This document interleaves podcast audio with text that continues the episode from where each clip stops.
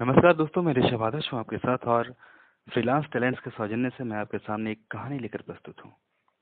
जिसका शीर्षक है टप टप टप और इसे लिखा है, मोहित शर्मा ने।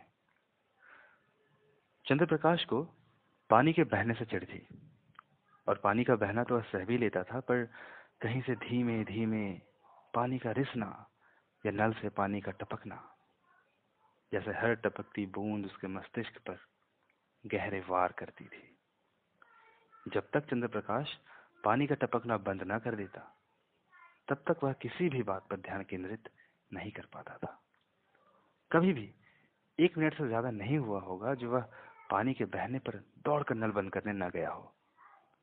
अगर कुछ ही देर में कोई बात सिर में दर्द करने लगे तो किसी की भी प्रतिक्रिया ऐसे ही होगी।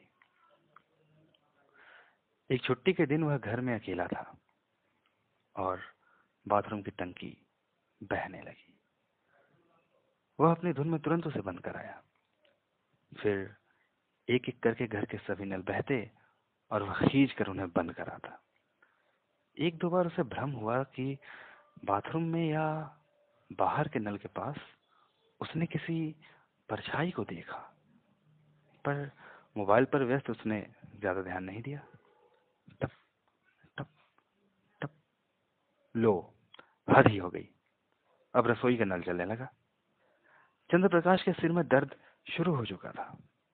उसने रसोई की टंकी कसकर बंद की और मुँह उठाया तो देखा दीवार से चिपकी, चिथड़े हुए शरीर और सफ़ेद रक्त रहित चेहरे वाली लड़की उसको घूर रही है।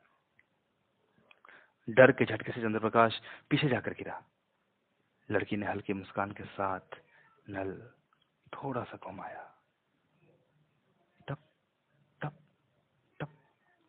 अब चंद्र प्रकाश का दिमागी मेनिया और सामने दीवार पर लटकी लड़की का डर आपस में जूझने लगे।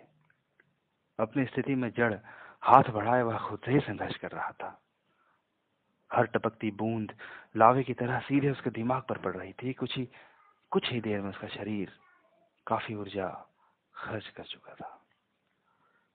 किसी तरह घिसकते चंद्र प्रकाश ने लड़की से नज़रें बचाते हुए टंकी बंद की और निढाल होकर गिर गया। अचानक लड़की गायब हो गई। चंद्र प्रकाश को लगा कि उसने अपने डर पर विजय पा ली, लेकिन तभी पानी बहने की आवाज़ फिर से आने लगी और अत्यधिक मानसिक शारीरिक दबाव में चंद्र प्रकाश के दिमाग की नस फटने से उसकी मौत हो गई। अपने जीवन के आखिरी क्षणों में उसने जो पानी की आवाज़ सुनी, वो बाहर शुरू हुई बारिश की थी। पर कमज़ोरी के कारण उस आवाज़ में उसका दिमाग अंतर नहीं कर पाया। नल से पानी फिर टपकने लगा।